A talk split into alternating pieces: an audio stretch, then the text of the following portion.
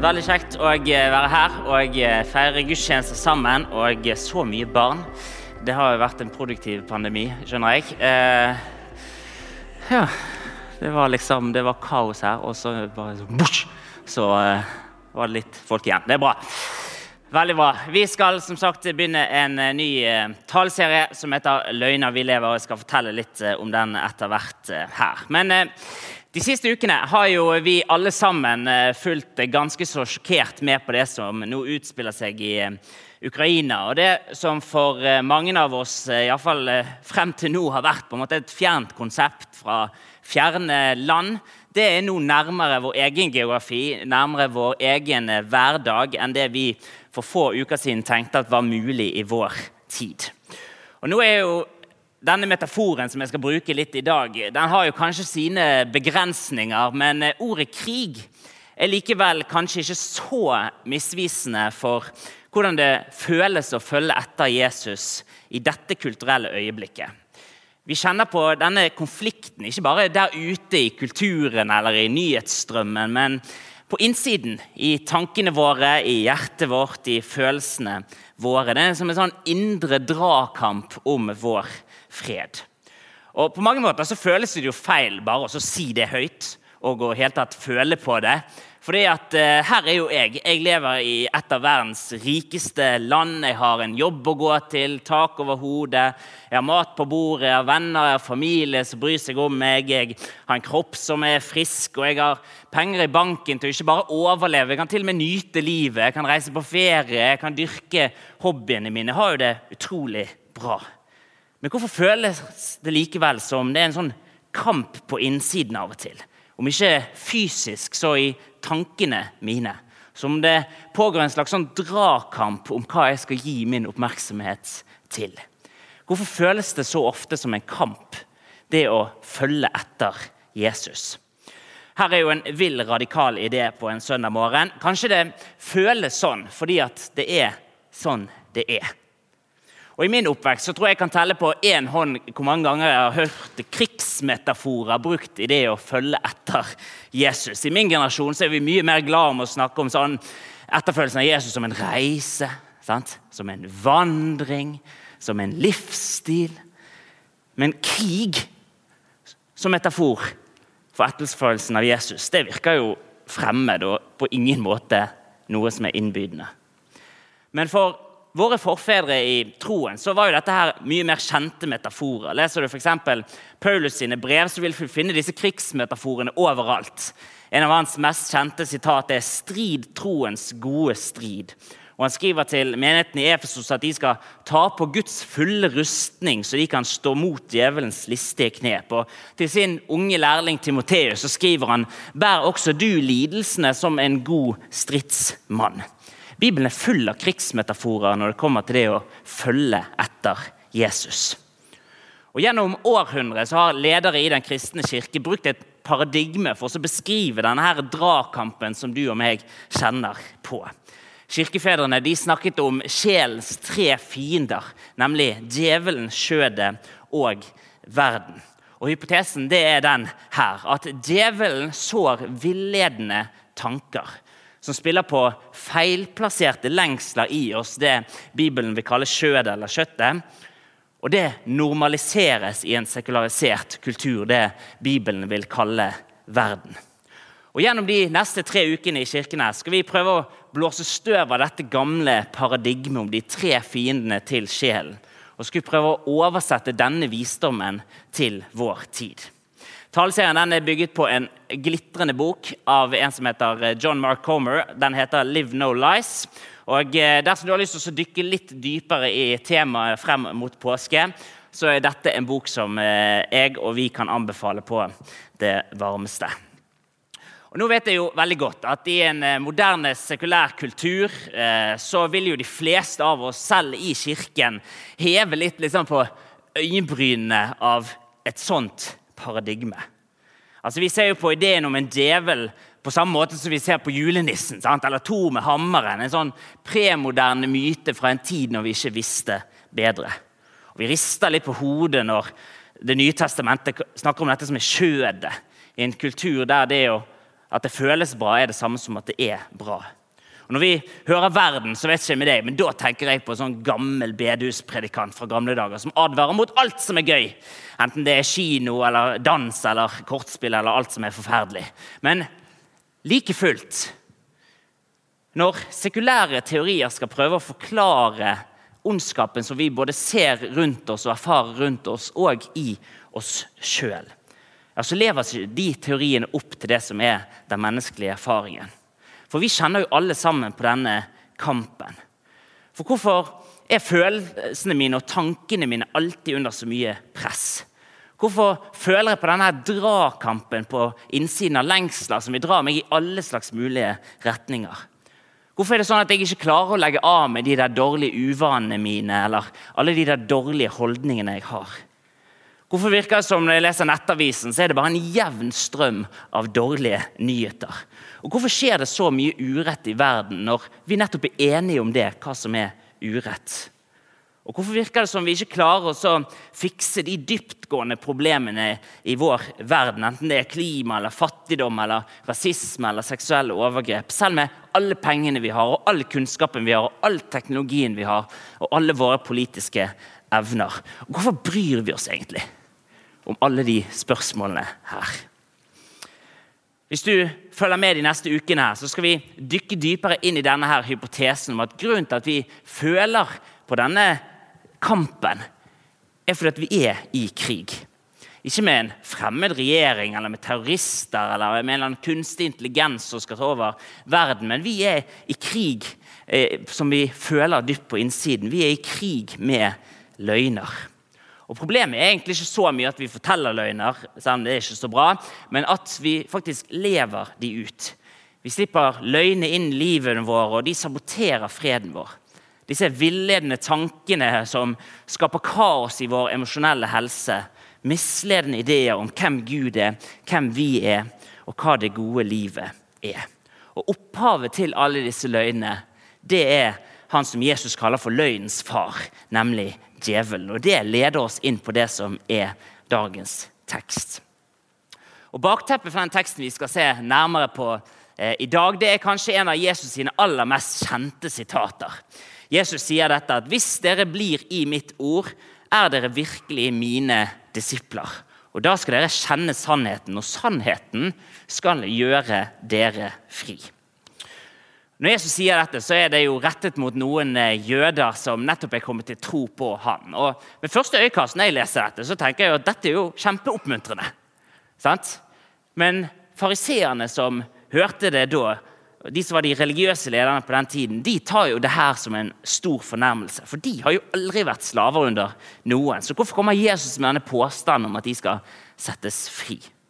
Så Jesus han forklarer fariseerne det han snakker om, er jo ikke et sosioøkonomisk slaveri, men et slags åndelig slaveri. Han sier at den som gjør synd, er slave under synd. Og Dette gjør jo fariseerne enda mer fornærmet. For det, det Jesus egentlig impliserer, det er jo at det er de han snakker om. Så Fariseerne gjør det som vi folk flest gjør når vi blir fornærmet eller såret. Jeg slår hardt tilbake. Så de sier vi er ikke født i hor implisitt sånn som du, Jesus, men vi har én far, Gud. Og Det er Jesus sin respons på denne fornærmelsen at vi kommer til det som er dagens tekst. I Johannes 8, 42-44 så står det at Jesus svarte, 'Var Gud deres far?' Da hadde dere elsket meg. For jeg er gått ut fra Gud og kommer fra ham. Jeg er ikke kommet av meg selv, men han har sendt meg.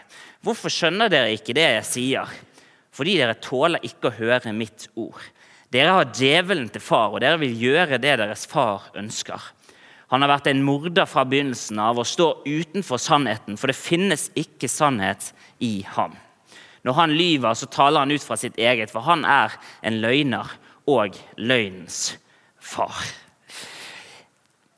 I denne her litt sånn brutale responsen, syns jeg iallfall, fra Jesus, så finner vi tre viktige poeng om denne skapningen som Jesus kaller for djevelen.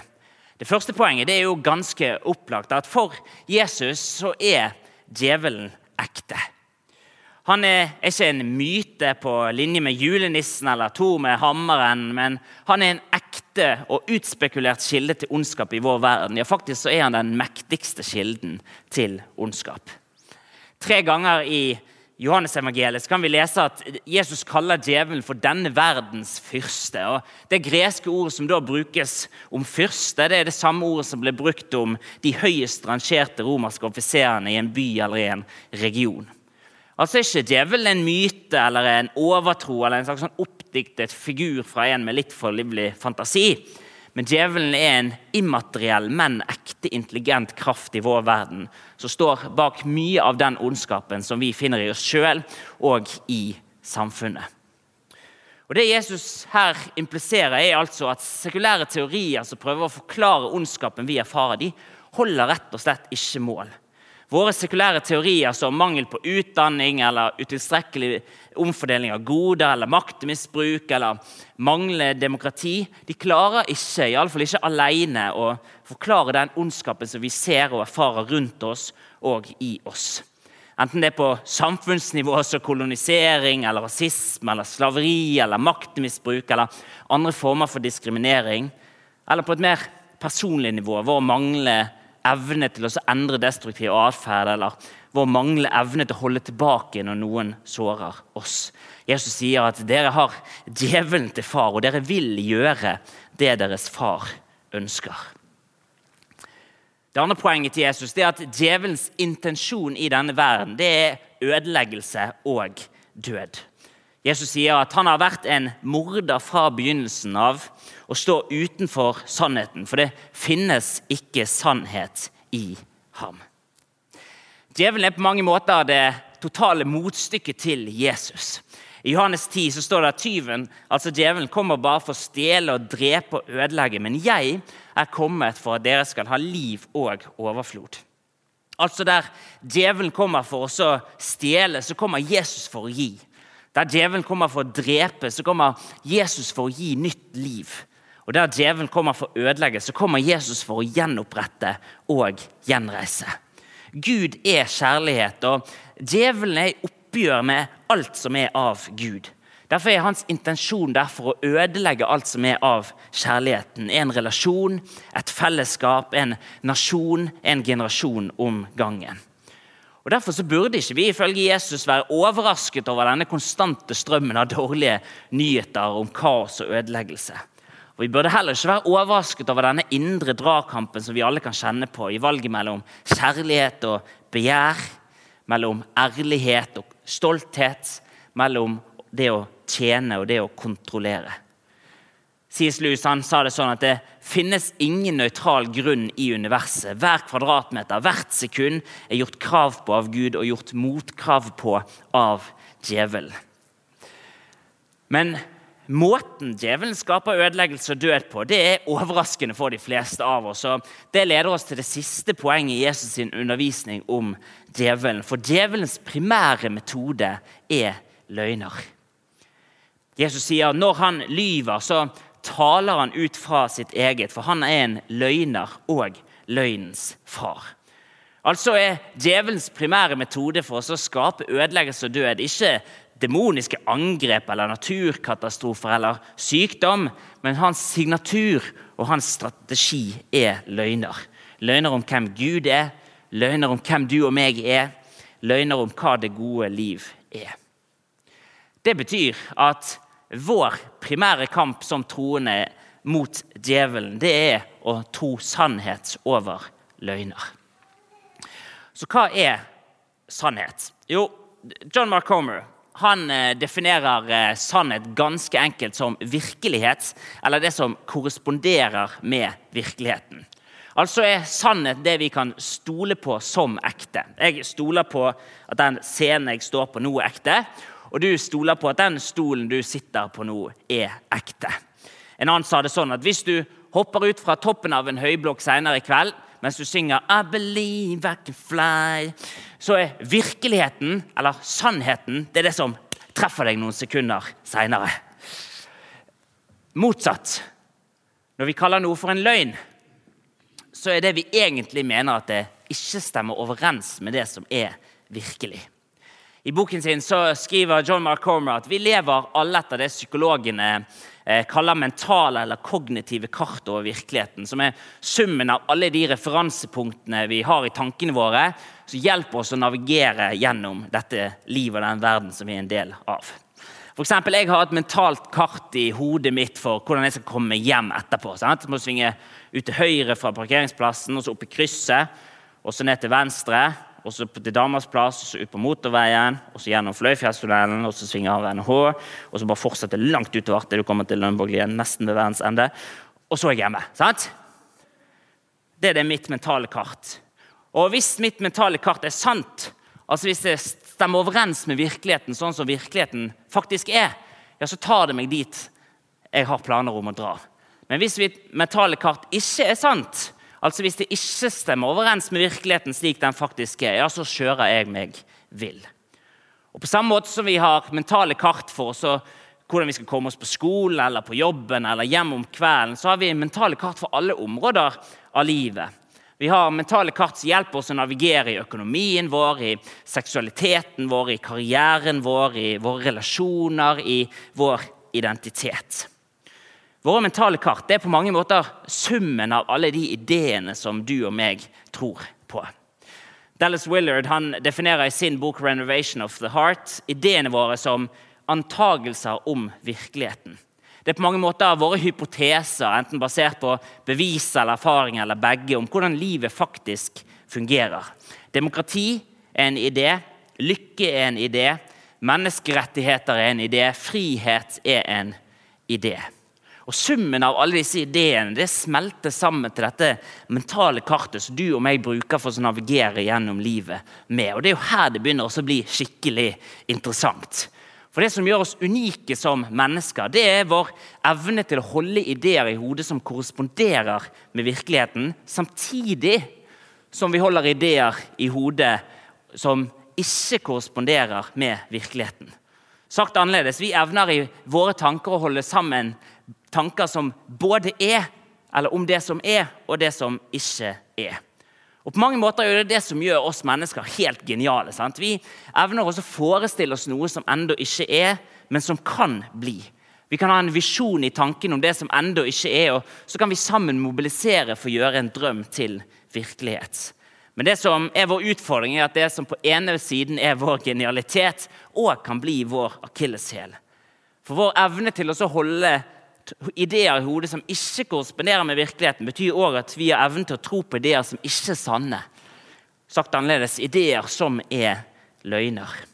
Derfor skriver Dallas Willard i sin bok at vi lever på nåden til våre ideer. For ideene som vi tror på, de blir etter hvert så internalisert at de former utfallet av våre liv. De former hvordan vi lever, og de former hvem vi blir.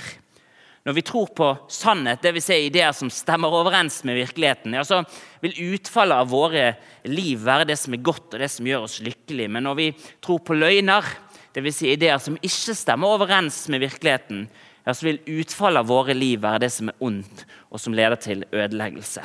Og Derfor har ideene enorm påvirkning på våre liv.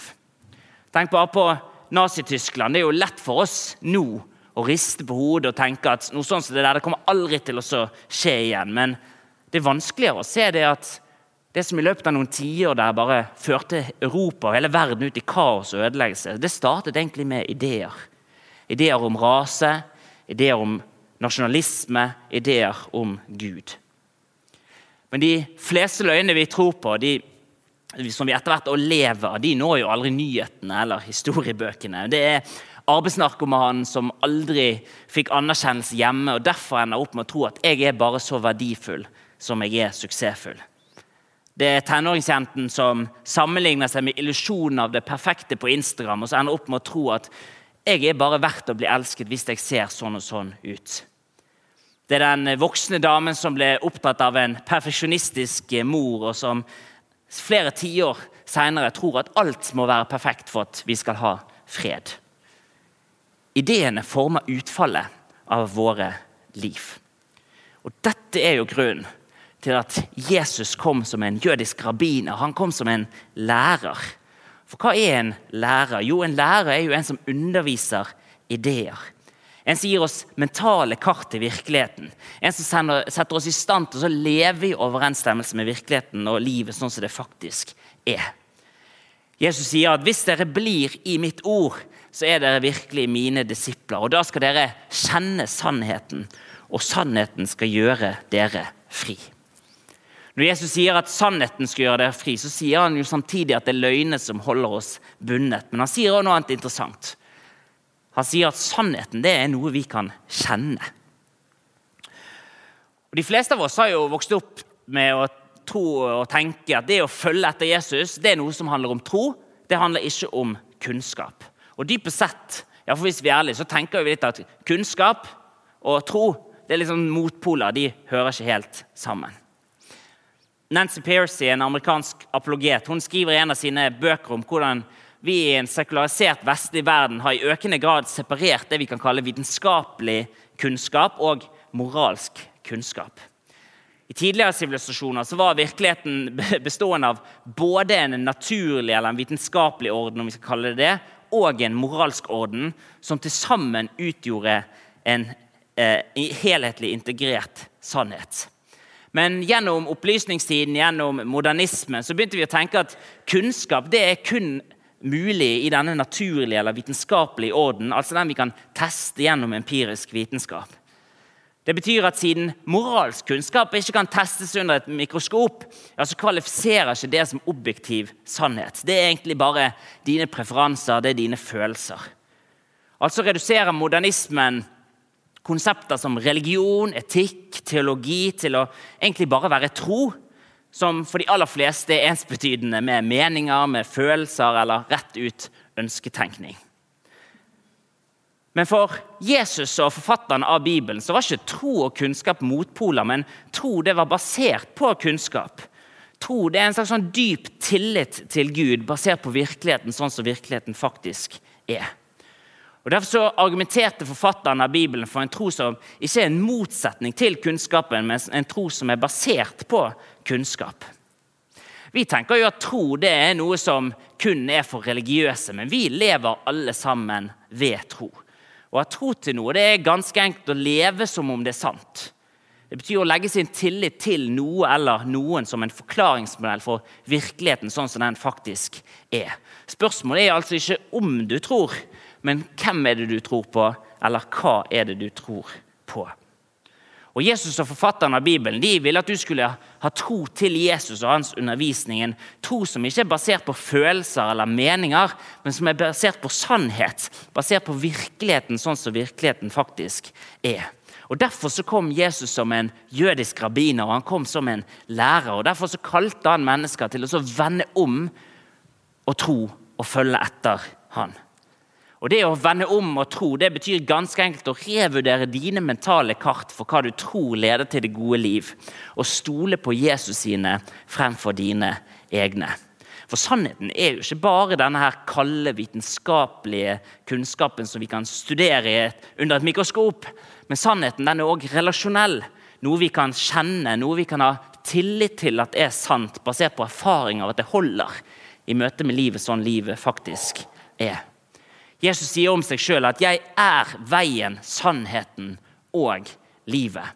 Altså har ikke Jesus bare sannheten, men Jesus er sannheten. Og Det betyr at vi kan kjenne sannheten. For Sannheten er ikke bare et konsept som vi kan studere på laboratoriet, men det er en person som vi kan ha tillit til. Og Etter hvert som vi blir kjent med denne personen, ja, så vokser vår tillit, eller vår tro, om du vil, til at hans sannhet er det som leder til liv og frihet. Da skal dere kjenne sannheten, og sannheten skal gjøre dere fri. I dagens tekst så har vi lært det at uh, ifølge Jesus i alle fall, så er djevelen en reell og aktiv kraft i vår verden. og Hans mål det er ødeleggelse og død. Mens han primære metode for å nå sitt mål det er ikke nødvendigvis demoniske angrep eller naturkatastrofer eller sykdom. Men hans primære strategi er løgner. For Hvis han kan få oss til å tro på løgner, dvs. Si mentale hva som ikke stemmer overens med virkeligheten slik den faktisk er, ja, så vil det lede til ødeleggelse og død. Det betyr at vår primære kamp mot djevelen det er ikke en sånn rar form for åndelig kung fu. Sant? Men vår primære kamp mot djevelen er å tro sannhet fremfor løgner. Så hvordan gjør vi det? I Matteus 4 så kan vi lese at Jesus blir ført ut i ørkenen for å bli fristet av djevelen. Og I 40 dager og i 40 netter så er han ute i ørkenen der, og han spiser ikke et eneste måltid. Og Så kommer til slutt djevelen, eller fristeren, som Matteus kaller han, for å sette Jesus på prøve. Og så kan vi lese det at Tre ganger så frister djevelen Jesus med løgner, og tre ganger så responderer Jesus med å sitere sannheter fra Guds ord.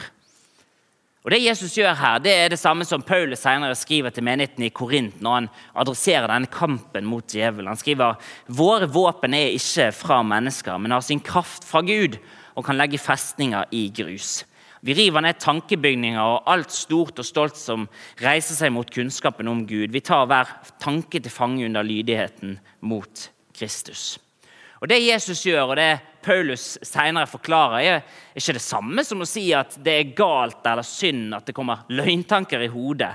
Tvert imot. Det at Jesus måtte kjempe med disse tankene, gjør jo at vi egentlig må forvente at det er en del av livet. Men det Jesus gjør, og det Paulus senere instruerer oss til, det er at vi skal forhindre at løgntankene får grobunn og bolig i våre tanker. Luther sa det sånn at du kan ikke hindre fugler å fly over hodet ditt, men du kan forhindre at de bygger rede i håret ditt. Vi bekjemper altså djevelens løgner ved ikke gi dem rom. Men som vi alle sammen vet, så går det ikke an å tenke på ingenting. Så når djevelens løgntanker kommer, så gir du heller tankene dine til å tenke på noe annet. Du erstatter djevelens løgner med Guds sannhet. Så Hver gang en løgn kommer inn i tankene, så angriper ikke vi løgn, men vi skrur bare over på en annen kanal. Vi vender vår oppmerksomhet til sannheten. Så når løgntanken kommer at hvis jeg bare har prikk, prikk, prikk, ja, så blir jeg lykkelig. Da kan du skru over på kanalen at 'Herren er min hyrde'. Jeg mangler ikke noe. Og Når løgntanken kommer at det er ingen som bryr seg om hvordan jeg har det, ja, så skrur du over på kanalen av at Herren er nær hos dem som har et nedbrutt hjerte. Og Når løgntanken kommer at hvis jeg ikke får kontroll over denne situasjonen, ja, så går alt galt, ja, så kan du skru over på kanalen at gjør dere ikke bekymringer og si ikke hva skal vi spise eller hva skal vi drikke eller hva skal vi kle oss med. For den far dere har i himmelen, vet jo at dere trenger alt dette. Og Så vender vi vår oppmerksomhet fra djevelens løgner som vil skape død og ødeleggelse, til Guds sannhet som skaper liv og fred. For det vi blir det vi gir våre tanker til. I cellegruppene denne uken som kommer, så skal vi sammen øve oss på å tro sannhet over løgner. Og Hvis ikke du er med i en cellegruppe, så har jeg lyst til å anbefale deg veldig sterkt å bli med igjen denne uken gjennom denne serien. Jeg kan få neste bilde her. Vi skal gjøre følgende øvelse. For det første så skal vi identifisere en tanke eller en følelse som ofte kommer til deg. F.eks. jeg er bekymret for å miste jobben, for da klarer ikke jeg å håndtere lånene mine. Det er en tanke som kan komme. Og for det andre så skal vi identifisere hvilke løgn som ligger bak tanken eller følelsen. F.eks. at min sikkerhet eller min fremtid ligger i jobben min, og det å tjene mer for å eie mer er det som gjør meg lykkelig.